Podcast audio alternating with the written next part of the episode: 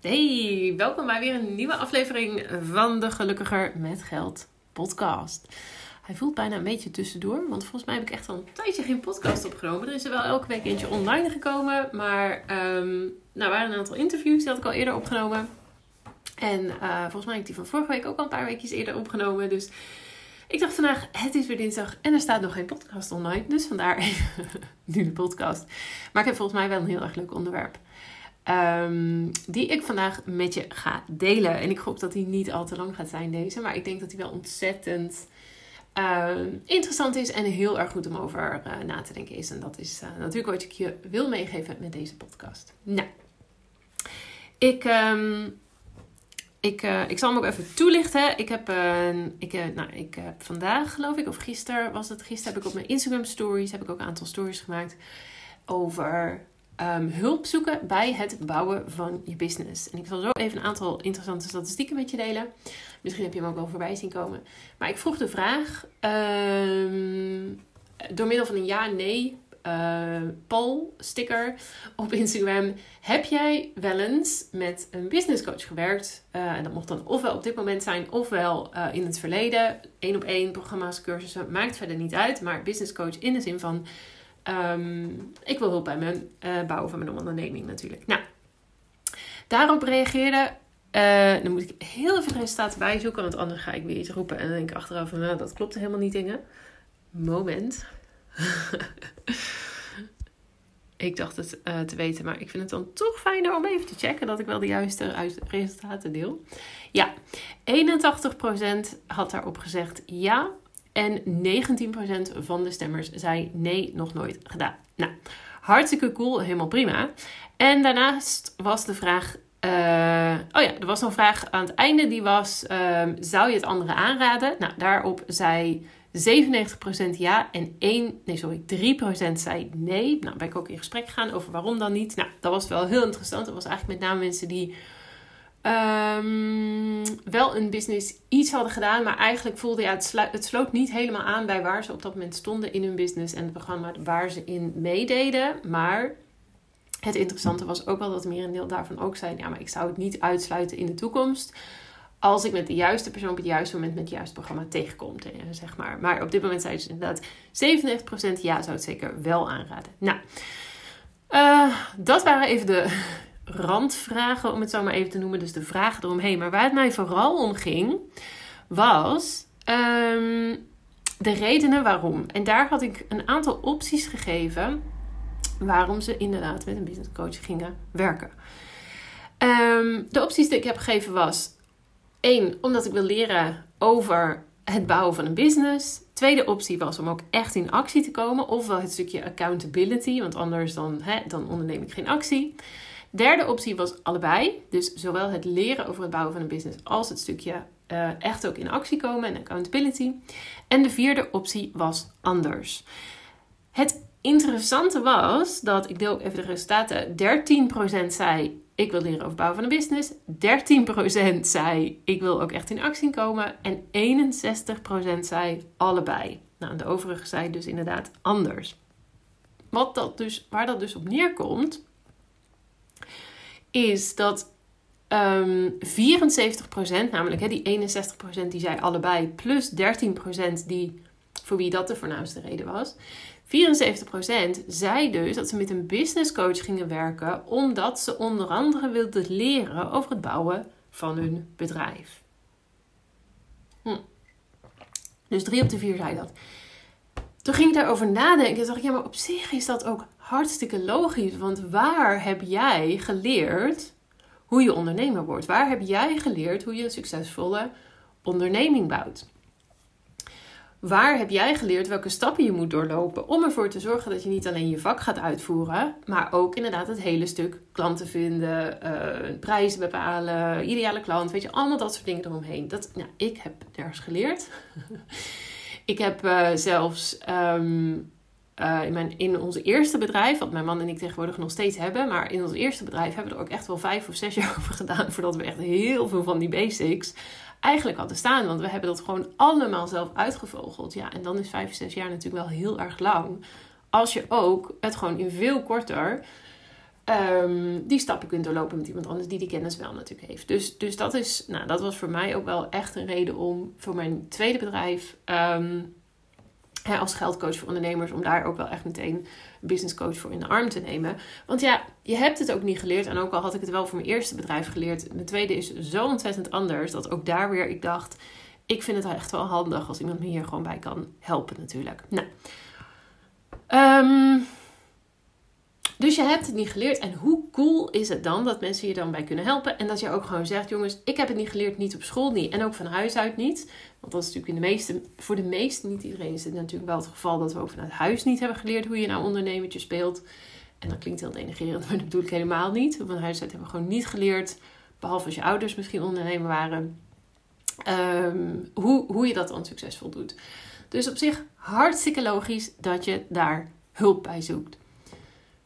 Wat ik echter alleen heel, heel, heel erg interessant vind en tegelijkertijd maakt het me eigenlijk ook best wel heel erg verdrietig, is dat ik natuurlijk ook vanuit mijn um, nou vakgebied, om het anders zo te noemen, heel veel ondernemers spreek die zeggen dat ze goed willen worden met geld, dat ze inzicht willen krijgen in hun geld, dat ze hun pensioen willen regelen, dat ze meer rust willen ervaren. Nou, heel veel dingen die ze willen. En als ik vraag wat ze dan tegenhoudt, is het eigenlijk ook, ja, maar ik weet niet zo goed hoe.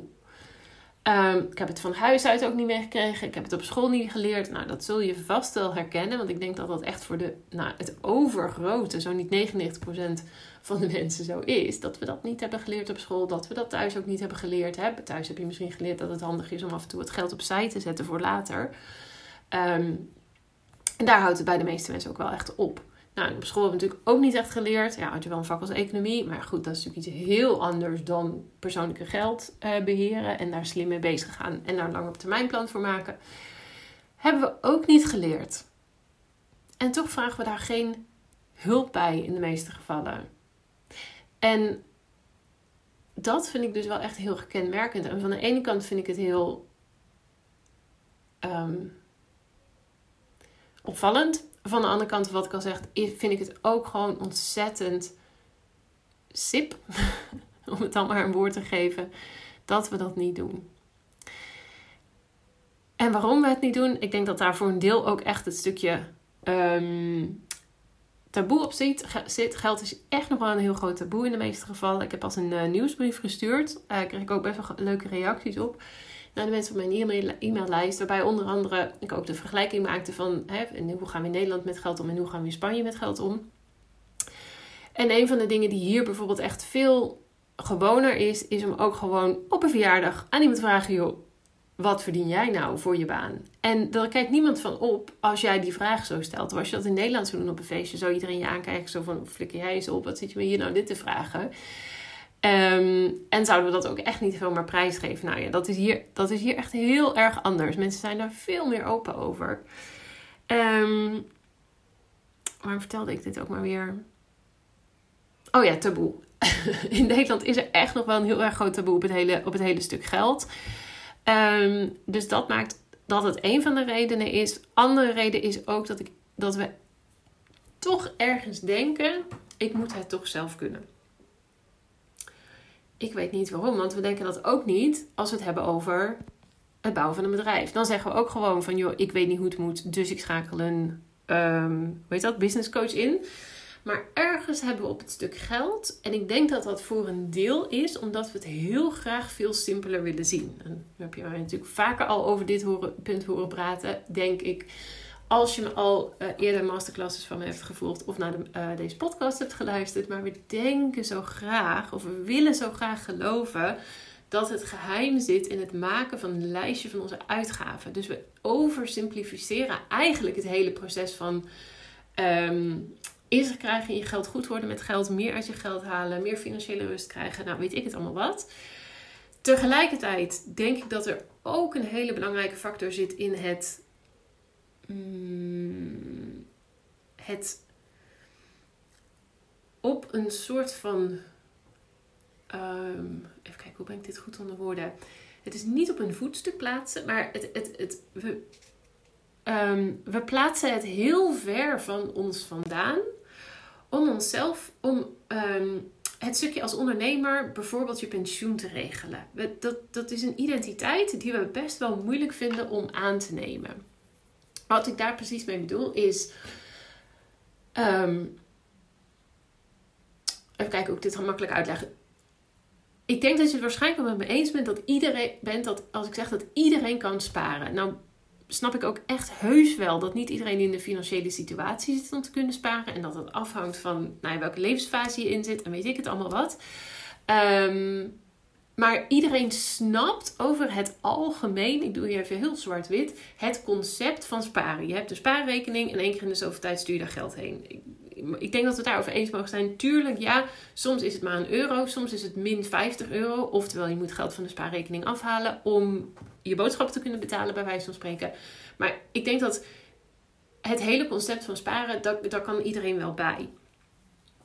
Echter, het concept van je pensioen regelen, dingen als beleggen, dat klinkt heel vaak voor heel veel mensen ehm, als iets heel ver van hun verwijderd. Ze kunnen zich daar moeilijker mee identificeren. En misschien herken je dit ook wel. Als je denkt van, oh, ben jij iemand met een spaarrekening? Dan zeg je waarschijnlijk ja, ook als er nu 10 euro op staat, bij wijze van spreken. Maar ben je iemand met een spaarrekening? Ja. Ben jij een ondernemer met een, pensioen, met een pensioen, of waarbij jij je pensioen regelt? Ehm, dat is een hele andere persona bijna, die wij moeilijk vinden om aan te nemen. Want om je pensioen te regelen moet je wel echt heel veel omzet maken, of moet je wel echt super nou, financieel volwassen zijn? Of moet je wel heel erg slim zijn om dat helemaal uitgezocht te hebben? Maar hangen daar allemaal labels aan. En dat zijn over het algemeen, uh, laten we het even vooroordelen noemen. Of, of, of eigenlijk ideeën die vaak helemaal niet kloppen. Um, maar die hangen wij daar aan. En daardoor is het eigenlijk heel erg makkelijk om die afstand heel erg groot te houden tussen wie jij op dit moment bent en die persoon van iemand met een pensioen, iemand met een beleggingsrekening, iemand die weet waar die mee is qua investeringen, iemand die een lange termijn geldplan heeft, allemaal dat soort dingen. En doordat we die afstand zo groot houden, is het dus heel erg moeilijk om daar ons daarmee te identificeren. identificeren. Ik ga heel snel ervan praten. En is het dus ook um, een heel stuk lastiger om die stappen daar naartoe te zetten. Stel dat jij zegt: Ik heb een spaarrekening en er staat nu maar 10 euro op, maar ik wil daar graag uh, per maand 50 opzetten, dan kan dat best wel eens een uitdaging klinken. En als jij denkt 50 euro, dat doe ik al lang, maak er dan 500 van, dat maakt verder niet uit. Dan kan het best wel als een uitdaging klinken, maar het is niet een hele andere identiteit misschien aannemen. Maar dat is het voor de meeste mensen wel met dat hele stuk van je pensioen regelen als ondernemer. Dat voelt bijna als, nou, dan ben je zo financieel volwassen of dan heb je je zaakjes zo goed voor elkaar. Um, dat dat misschien niet bereikbaar voelt. Um, dus die speelt denk ik ook heel erg mee daarin. En uh, hoe kwam ik hier nou ook maar weer op? Um, ik een beetje verdwaald in mijn eigen verhaal. Uh, taboe. En dit. Dus. ik zit even terug te denken hoe we hier nou ook maar weer bij kwam. Oh ja, hulpvragen, daar ging het natuurlijk over. Dat we daar geen hulp bij vragen. Um, omdat er voor de ene kant is, van de ene kant is het dus inderdaad een stukje taboe. En aan de andere kant denk ik dat dat ook heel, heel erg meespeelt. En voelt dat dus inderdaad zo ver weg. Terwijl het hele stuk van, nou ja, ondernemen, daar zijn we natuurlijk veel opener over. Dat is ook makkelijker om te zien. Bijvoorbeeld op social media, op network events ont, ontmoet je natuurlijk anderen die ook aan het ondernemen zijn. En dan herken je misschien ook wel van, nou ja, als zij het kan, waarom zal ik het ook niet eens proberen, bij wijze van spreken. Nou, die, die uh, doelen die voelen misschien makkelijk. Misschien denk je in het begin van, jongen, weet je, die hele omzet van 100, 100.000 per jaar of 300.000 of uiteindelijk een miljoen, dat is voor mij op dit moment niet iets waar ik naar streef. Dat kan. Maar waarschijnlijk heb je wel zoiets. Ja, maar ik zou het wel heel erg cool vinden als ik succesvol genoeg ben om um, ik roep eens wat, 30k per jaar omzetten, 50k omzetten. Misschien met de tijd inderdaad wel naar 80k, 100k, wat het dan ook is. Ehm, maar dat lijken makkelijkere stapjes. Of dat lijken kleinere stapjes. En die lijken ook misschien meer bereikbaar. En binnen bereik te zijn. En dat, ik denk dat dat echt dat hele stuk van... Uh, het ondernemer zijn met een pensioen, dat je je pensioen regelt of dat je weet dat je een beleggingsplan hebt. Nou, dat klinkt echt een beetje alien bijna. Dus ik denk dat dat ook wel daarin meespeelt om, um, om misschien niet die hulp te vragen. Nou, dat waren even mijn um, interessante, tenminste ik vond het onwijs interessant om hier zo achter te komen, uh, bevindingen. In elk geval qua statistiek en mijn interpretatie waarom dat dan zo is, waarom we dat lastig vinden. Um, ik ben even heel benieuwd. Misschien heb jij wel, luister dit en denk je, je hebt echt, voor mij klopt het helemaal niet. Want ik heb hier echt een hele andere reden voor. Deel het vooral met me. Misschien herken je het juist enorm. denk je, oh, dit is echt precies de spijker op zijn kop. Nou, deel het dan ook met me. Vind ik ook leuk. Want jongens, ik zit hier ook maar uh, een beetje uit... Uh, ik wil niet zeggen uit mijn nek te lullen, want zo voelt hij echt niet. Maar ik zit wel in mijn eentje tegen een telefoon te lullen. Um, en verder niks natuurlijk. Dus een beetje feedback is af en toe hartstikke leuk om te krijgen. Dus let me know als je inderdaad hierbij denkt van... oh, dit is interessant of dit, dit of dit herken ik of herken ik juist niet. Let me know. Um, wil ik verder nog iets delen? Ja, eigenlijk wel, maar ik weet niet of het handig is om het nu te delen. Um, er komt weer iets heel gaafs aan in juni. Um, hou me in de gaten op social media. Op Instagram met name gelukkiger.met.geld. Want er komt echt iets heel cools aan. Um, ja, nee. Uh, volgende keer deel ik er denk ik meer over. dus um, mega bedankt voor het luisteren. Uh, en ik hoop dat je de volgende keer weer bij bent voor de nieuwe aflevering van dan. Dankjewel. Hele fijne dag nog. Doei. Dankjewel weer voor het luisteren naar deze aflevering van de Gelukkiger met Geld podcast. Ik hoop dat je er heel veel waarde uit hebt kunnen halen. En ik zou het dan ook super leuk vinden als je deze aflevering kunt delen op Instagram. Op die manier kunnen anderen de podcast makkelijker vinden en bovendien help je mij om deze show te laten groeien. Daarnaast vind ik het ook gewoon super gaaf om te zien wie deze podcast luistert en wat je eruit hebt kunnen halen. Dus deel hem op Instagram en taak mij dan met gelukkiger.met.geld. En ik ben er volgende keer weer met een nieuwe aflevering. Ik hoop jij ook. Tot dan!